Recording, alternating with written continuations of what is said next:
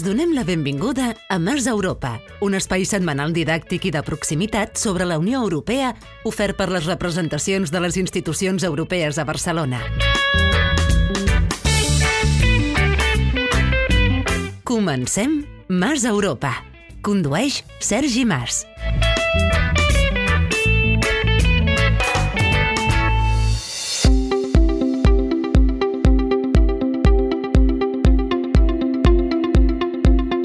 Fa 25 anys hi va haver una revolució al món del futbol. El Tribunal de Justícia de la Unió Europea va permetre l'any 1995 la lliure circulació de jugadors comunitaris a les lligues europees. És la coneguda com a Llei Bosman, una decisió que va deixar de considerar els jugadors d'altres països de la Unió Europea com a estrangers i que també va permetre que els esportistes d'un país comunitari poguessin treballar sense restriccions a qualsevol altre país de la Unió. Mars Europa, amb Sergi Mas. El migcampista Jean-Marc Bosman no va guanyar cap pilota d'or, ni cap Champions, ni Eurocopa o Mundial. De fet, el seu palmarès queda reduït a la Copa de Bèlgica, que va obtenir la temporada 89-90 amb el Real Club de Futbol de Lieja. Però ell va revolucionar el futbol. El cas va començar l'any 1990, quan el futbolista belga acabava contracte amb l'equip de Lieja. Bosman arriba a un acord de traspàs amb el club francès del USL Dunkerque, però el club belga exigeix el cobrament d'una indemnització que el Dunkerque es va negar a pagar. Finalment, el Lieja no va autoritzar el traspàs de Bosman, se'l va quedar i va reduir el salari del jugador en un 75%. Bosman va denunciar el Lieja, la Federació Belga de Futbol i la UEFA i va portar el cas al Tribunal de Justícia de la Unió Europea alegant que s'estava vulnerant la llibertat de circulació a Europa. Cinc anys més tard, el 15 de desembre de 1995, el Tribunal Europeu sentenciava a favor de Bosman i decretava il·legals les indemnitzacions per jugadors que acaben contracte i prohibia que les lligues europees limitessin el nombre de jugadors comunitaris. Fins llavors, els clubs podien alinear un màxim de 3 jugadors no nacionals, mentre que des de fa 25 anys la limitació de 3 jugadors és només per extracomunitaris. Per parlar de tot plegat, tenim amb nosaltres Josep Maria Minguella, qui, entre altres moltes coses, ha estat entrenador i agent FIFA. Hola, Josep Maria. Bon dia. He dit entrenador perquè tu vas estar de segon a la banqueta del Barça als anys 70. I primer amb el Big Buckingham i després va venir el Rinos i vam estar quatre anys amb el Rinos Mitchell, la primera etapa d'ell al Barça, sí, sí. Això per tu, Josep Maria, eh, amb els anys que portes al futbol, l'aplicació de la llei Bosman ha estat positiva o negativa pel futbol? Bueno, la llei Bosman ha estat positiva pels jugadors i els agents. Ah, em sembla molt honest per part teva. En dies concrets, en dies importants, un recorda què estaves fent o què vas fer després de conèixer aquella notícia? El dia que es va, es va, es va fer la sentència, que no és una llei, és una sentència del Tribunal de, Europeu, em sembla, de, de Luxemburg, Sí. eh, recordo que vaig reunir a la gent que estava allà al meu despatx i vaig dir, nois, això canvia tot el nostre tot el plantejament del futbol. És dir, els jugadors, eh, primer a Espanya hi havia aquella situació del, del dret de retenció, Sí. El jugador, el jugador no pintava res, vull dir, si el club volia li pagava el 10% més que l'any anterior i el jugador quedava retingut, no hi havia dret de resolució. Uh -huh. I amb la sentència aquesta Bosman, el jugador passa a ser propietari dels seus drets una vegada acaba el contracte. I això eh, el fa molt ric, molt ric, vull dir, eh, cada un al seu nivell esportiu, evidentment. Sí, sí. No és el mateix un jugador d'un equip de segona B que un equip de segona A, que un equip de primera, que un equip de, de, de la Lliga Inglesa. Però el fet de que un jugador pugui negociar lliurement i no tingui de pagar traspàs a ningú quan, quan acaba el contracte, fa que els seus drets tinguin un valor al mercat important. A partir d'aquell moment, els agents, que són els que porten aquests temes, doncs agafen un, una gran preponderància i una mica es converteixen com els agents dels artistes de, de, de, cine, Mhm. de teatre, els grans agents internacionals o, o, de les, o dels divos de la, de la música i tot això, Mhm. són els que dominen el cotarro. Perquè, perquè lògicament, el, l'intèrpret, podríem dir, vol el millor, però el que, el que discuteix, el que negocia, el que, que porta tota la cosa, són els seus agents. I és el que està passant. Llavors, per això doncs, eh, eh, trobes que un jugador, quan està a un any d'acabar el contracte, si, té, si, té, si està fent una gran temporada, pues, pues té diversos equips que, que el volen i llavors ell pot negociar ell o la gent pot negociar amb el seu propi equip o amb, equip, o amb un equip de fora i això pues, fa que pugin molt els seus contractes, el valor dels seus contractes i que, lògicament, això li costi més diners als clubs. És dir, ah. abans, quan els jugadors quedaven retinguts, els, els clubs pagaven una mica el que volien. En canvi, ara uh mhm. -huh. hi ha una llei de, de, de mercat de si em vols val tant i si no em vols me'n vaig a un altre lloc. Els grans beneficiats, Josep Maria, han estat els futbolistes i els representants? Sí, sí, sí. El, el representant fa la seva penya. Mm -hmm, clar, sí, sí. No, no és el mateix anar a un club i dir escolti, eh, eh, vull millorar el contracte d'aquest jugador i aquell jugador no, tinc, no tenir possibilitat legal de marxar, mm -hmm. que aquell jugador acabi contracte al cap de tres mesos. Vull dir, i que el club estigui interessat. La situació del que, del que negocia és molt més potent quan el jugador, quan, quan la gent està representant amb algú que o em dones això o me'n vaig.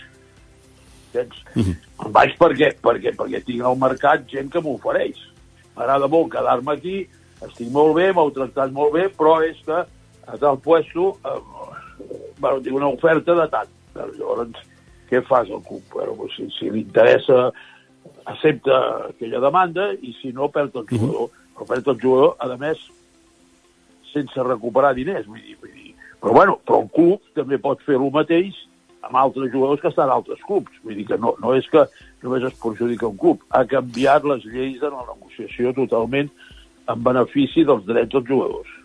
Eh, tu entens, Josep Maria Minguella, que aquesta figura, aquestes conseqüències de l'aplicació de la sentència de la llei Bosman, de la qual la setmana vinent es compliran 25 anys, ha fet malbé les canteres dels clubs? És a dir, que aquesta lliure circulació dels jugadors ha provocat que, que un club espanyol pugui fitxar a un lateral esquerre de la Lliga Portuguesa i barri el pas a un jugador de la cantera d'aquest equip espanyol?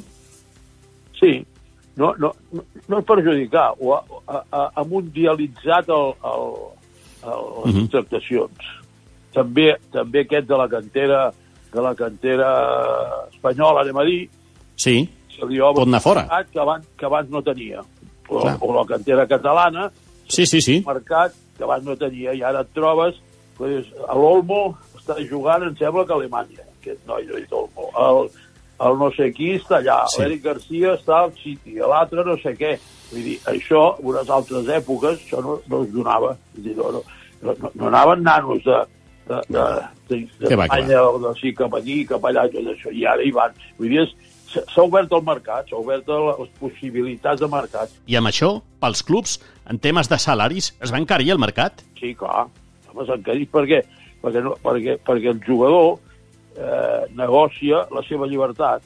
El jugador que queda lliure negocia la seva llibertat. Vull dir, vull dir per exemple, el cas del Messi. Per què el Messi eh, diuen cobra tant, no sé què, no sé quantos? Perquè ell fa anys acabava el contracte i llavors va arribar un acord amb el Barça i amb el, seu, amb el que li costa al Barça hi ha una part que és el seu contracte i una part que és el seu, el, dir, el seu, la seva llibertat, per exemple, el seu llum mm -hmm. de, de, del contracte. M'explico. Si la seva amortització, com que queda lliure, la cobra ell. Perquè si no se'n va a un altre lloc i li paga un altre club. És que és, que és, és una...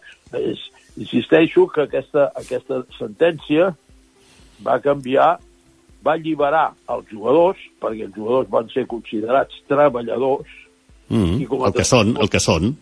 Que són i com a treballadors i amb un contracte de treball i tal, van passar per un costat primer a pagar impostos, que abans no en pagaven, o pràcticament no en pagaven. Sí, sí. Això també s'ha de dir. Primer pagar impostos.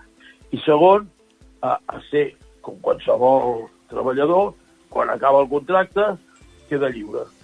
Perquè la, la primera sentència a Bosman, el jugador quedava lliure en qualsevol moment. Era com, com qualsevol que, que, que està en un bar i un dia va al jefe i li diu, escolta, demà no vinc.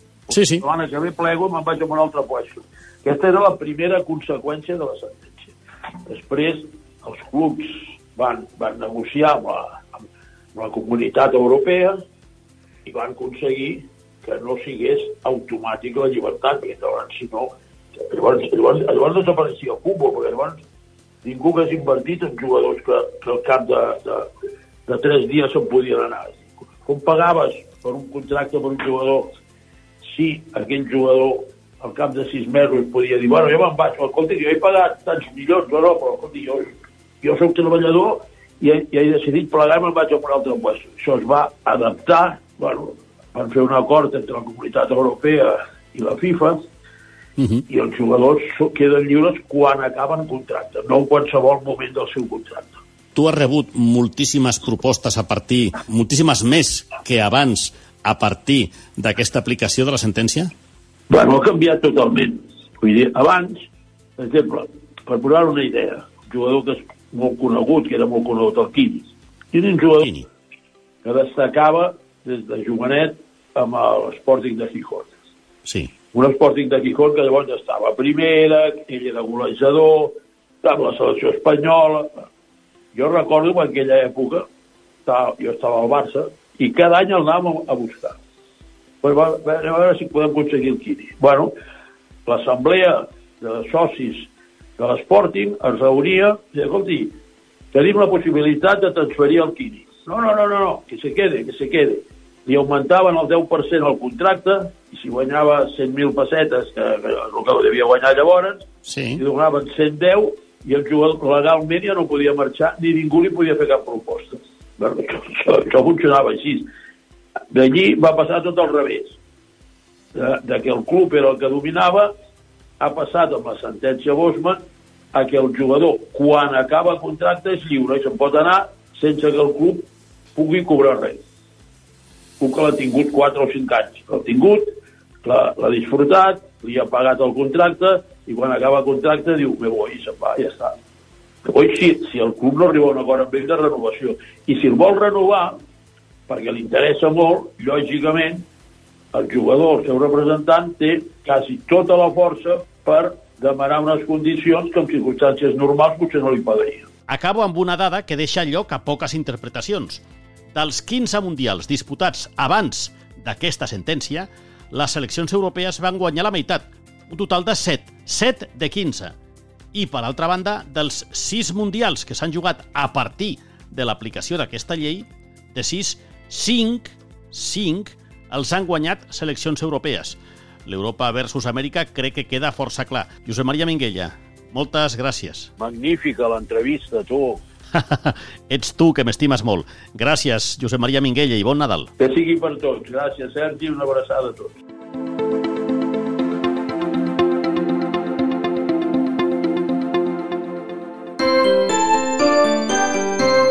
Mas Europa, amb Sergi Mas.